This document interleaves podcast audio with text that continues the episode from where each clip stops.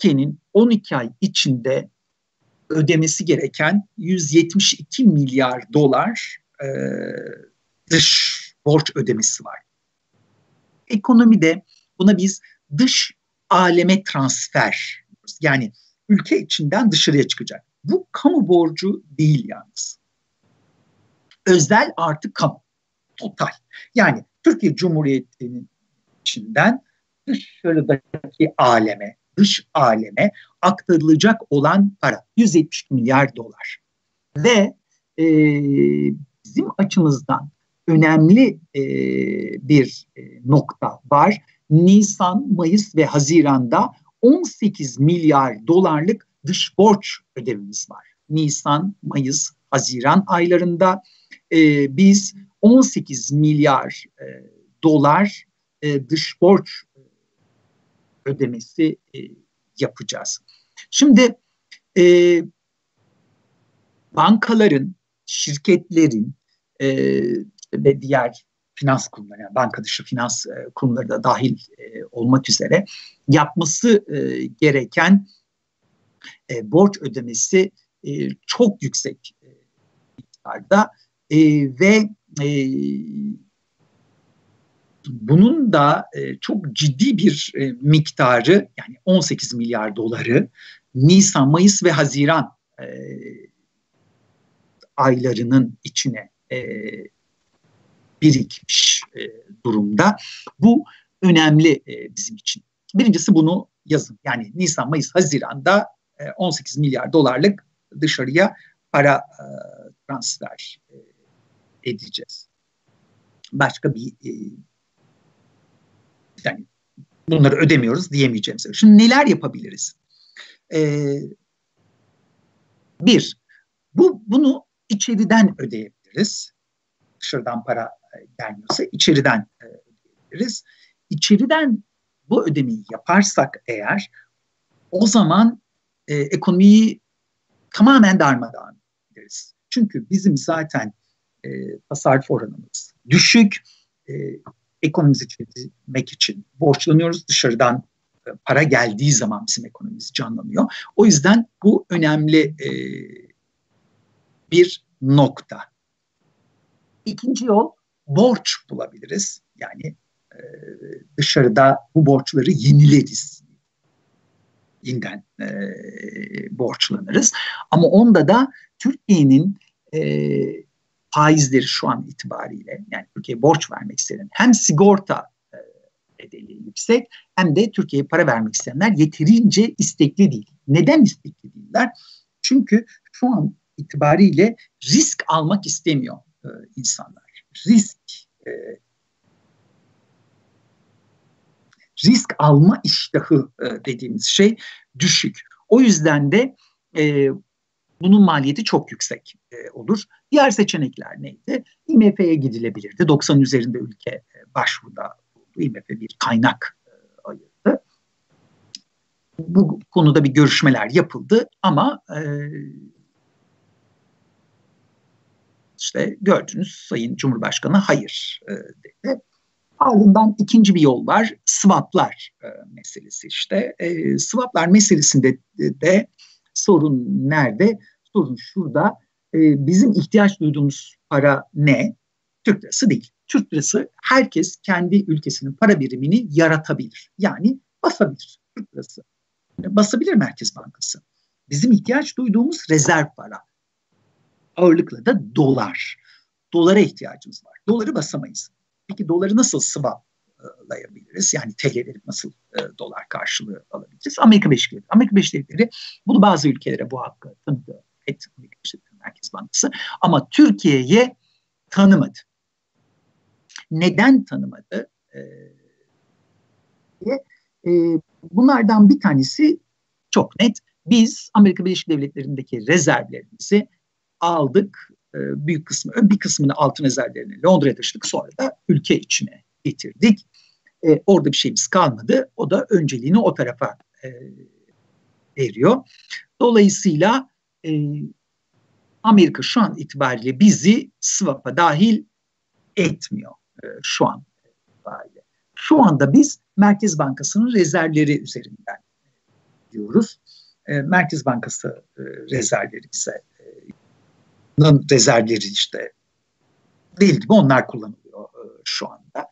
Net rezervler, swaplar onların hepsi birbirine karışmış vaziyette. Bunları izniniz olursa daha sonra size biraz daha grafikler yardımıyla anlatmak e, şu anda Türkiye para bas, parasal genişleme e, yapıyor mu? Parasal genişleme yapıyor. Parasal genişlemeyi ben dahil birçok insan onaylıyor muyuz? Evet onaylıyoruz. Endişeli miyiz? Çok endişeliyiz. Bir önceki yayınımda, son yayında hatırlarsanız demiştim ki parasal genişleme yapılacaksa bunun bazı koşulları olması lazım. Para nereye harcanacak? Makro ekonomik bütünlüğe ihtiyacımız var. Onlar yoksa e, o zaman parasal genişleme çok riskli bir şey. E, şu an itibariyle gerçek anlamda bir e, ekonomik program yok. Ortada böyle bir ekonomik program olmayınca da biz e, parasal genişlemeden beklediğimiz sonucu alamayız. Merkez Bankası'nın faiz indirdiğini e, görüyorsunuz. Merkez Bankası e, evet yorumları da arada bir bakıyorum konuşurken ama bir yandan da kafamı toplamam e, lazım. E, Merkez Bankası faiz indirdi diye şu anda kaç şirket yatırım yapar? Siz söyleyin. Şu anda zaten birçok e, fabrika kapalı birçok şirket üretim yapmıyor. Her ne üretiyorsa. Çok az üretim e, yapıyor. Zaten üretim yapmıyor. E, eksik kapasiteyle çalışırken neden yeni yatırım yapsın? Yani kim ne yapacak? Neden yatırım yapacak? Bu e, faiz indirimleriyle beklenen şey sağlanamaz. Bütünsel, birbirini tamamlayan, birbirinin içine giren bir şeye e, ihtiyacımız var. Ekonomi öyle buraya bir yama, buraya bir yama, orada bir delik var onu da yamayalım, burası su sızdırıyor oraya bir tıkayalımla yönetilemez. Lütfen e, Ankara'dakiler bunu artık görsün. Görmezsek bu iş e, öyle kolay e, atlatılmayacak. E, zor bir e, konu bu. Şimdi e, sorularınızdan bir başkasına geleyim. Yani bu Merkez Bankası konusunda daha ayrıntılı ileride grafiklerle bakacağız. Avrupa çökecek mi? E, Türkiye Avrupa'nın kalbi olacak mı? Öyle şey olamaz. E, Avrupa çökmüyor tabii ki. Bence Avrupa'nın çökeceğini çok söyleyenler e, oldu. Öyle bir şey olmayacak e, dostum. E, yani ne olacak? Almanya Mercedes üretmeyecek mi? BMW almayacaksınız. Yani dünyanın her yerinde ben Asya'ya gittim. Ee, ilk mesela Asya'ya gidişlerimi hatırlıyorum. Ya o kadar Asyalı araba markası var. Herkes gene Mercedes'i BMW'ye aa diye bakıyordu. Amerika'da bir. Mercedes orada durmuyor mu? Duruyor. BMW orada durmuyor mu? Siemens orada durmuyor mu? Avrupa'nın e, teknoloji üretme gücü ortadan mı kaldı? Hayır. Bunları öyle şey yapmayalım. Ee,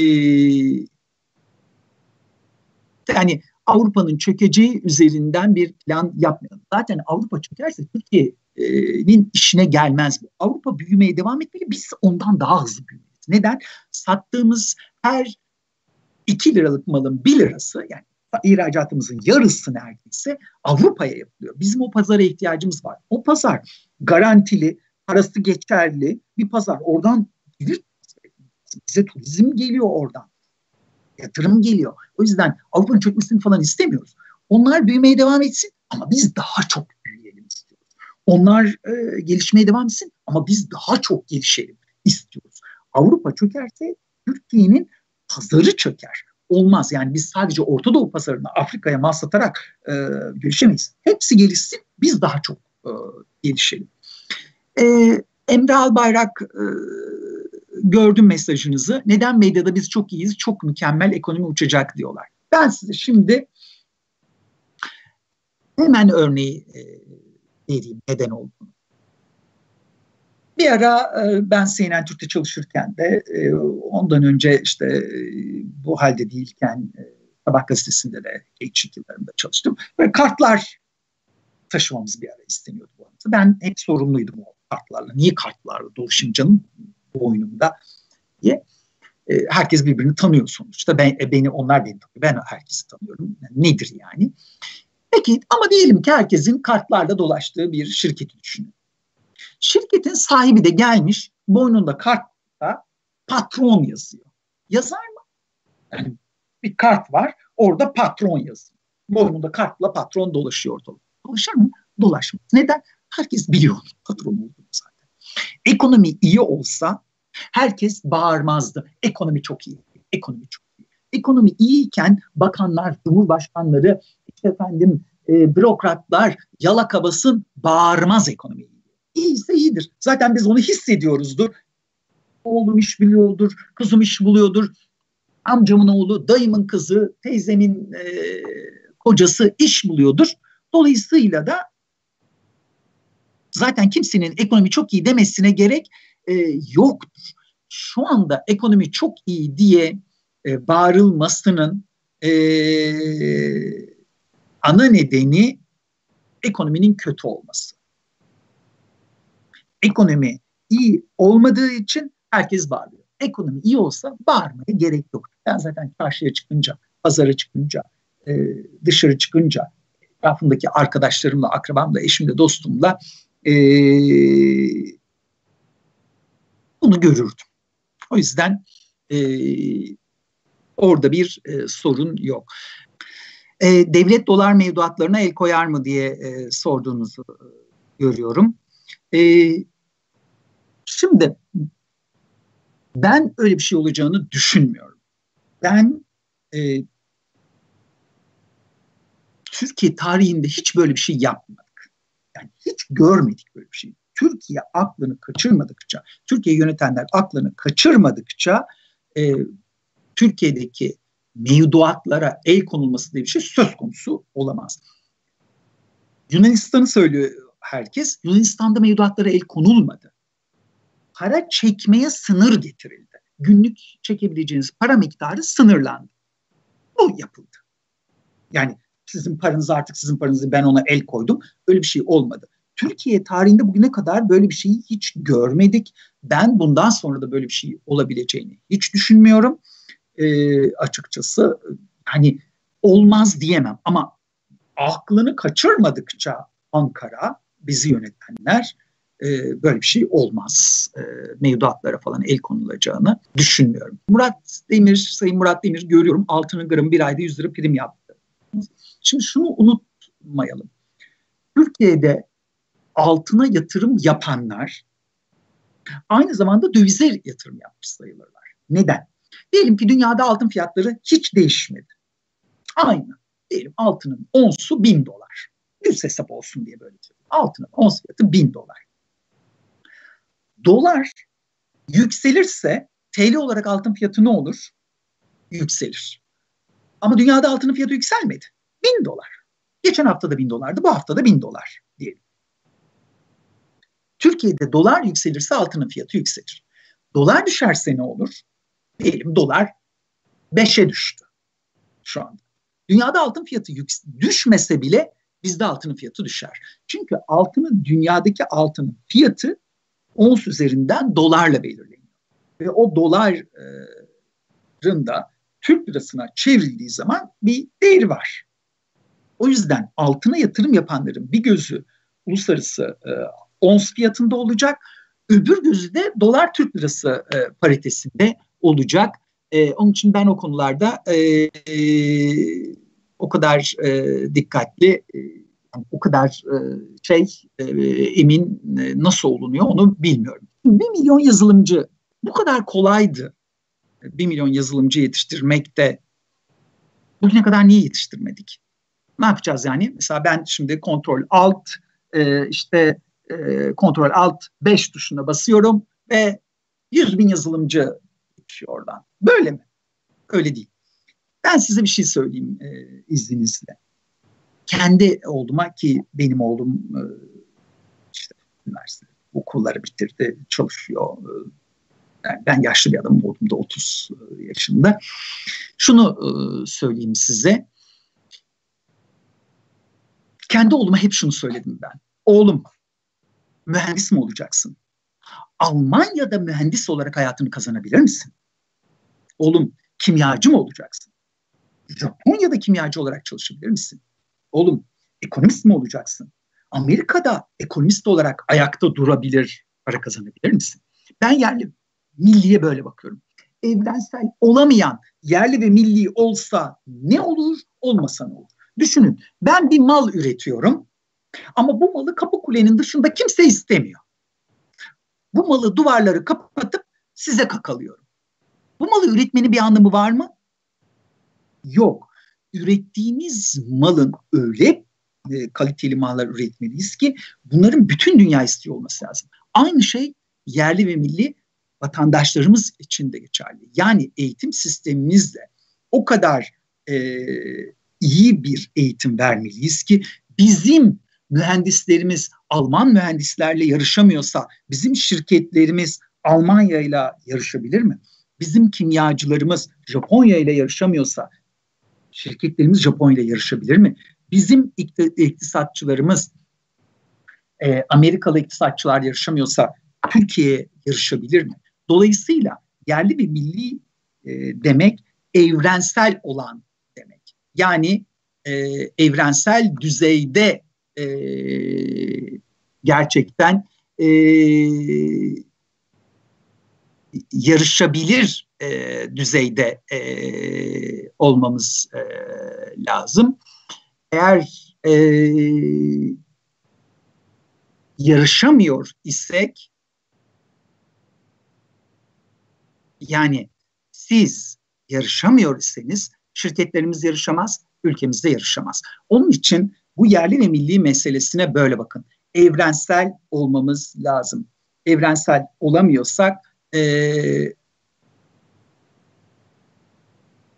1 milyon yazılımcı e, üretin.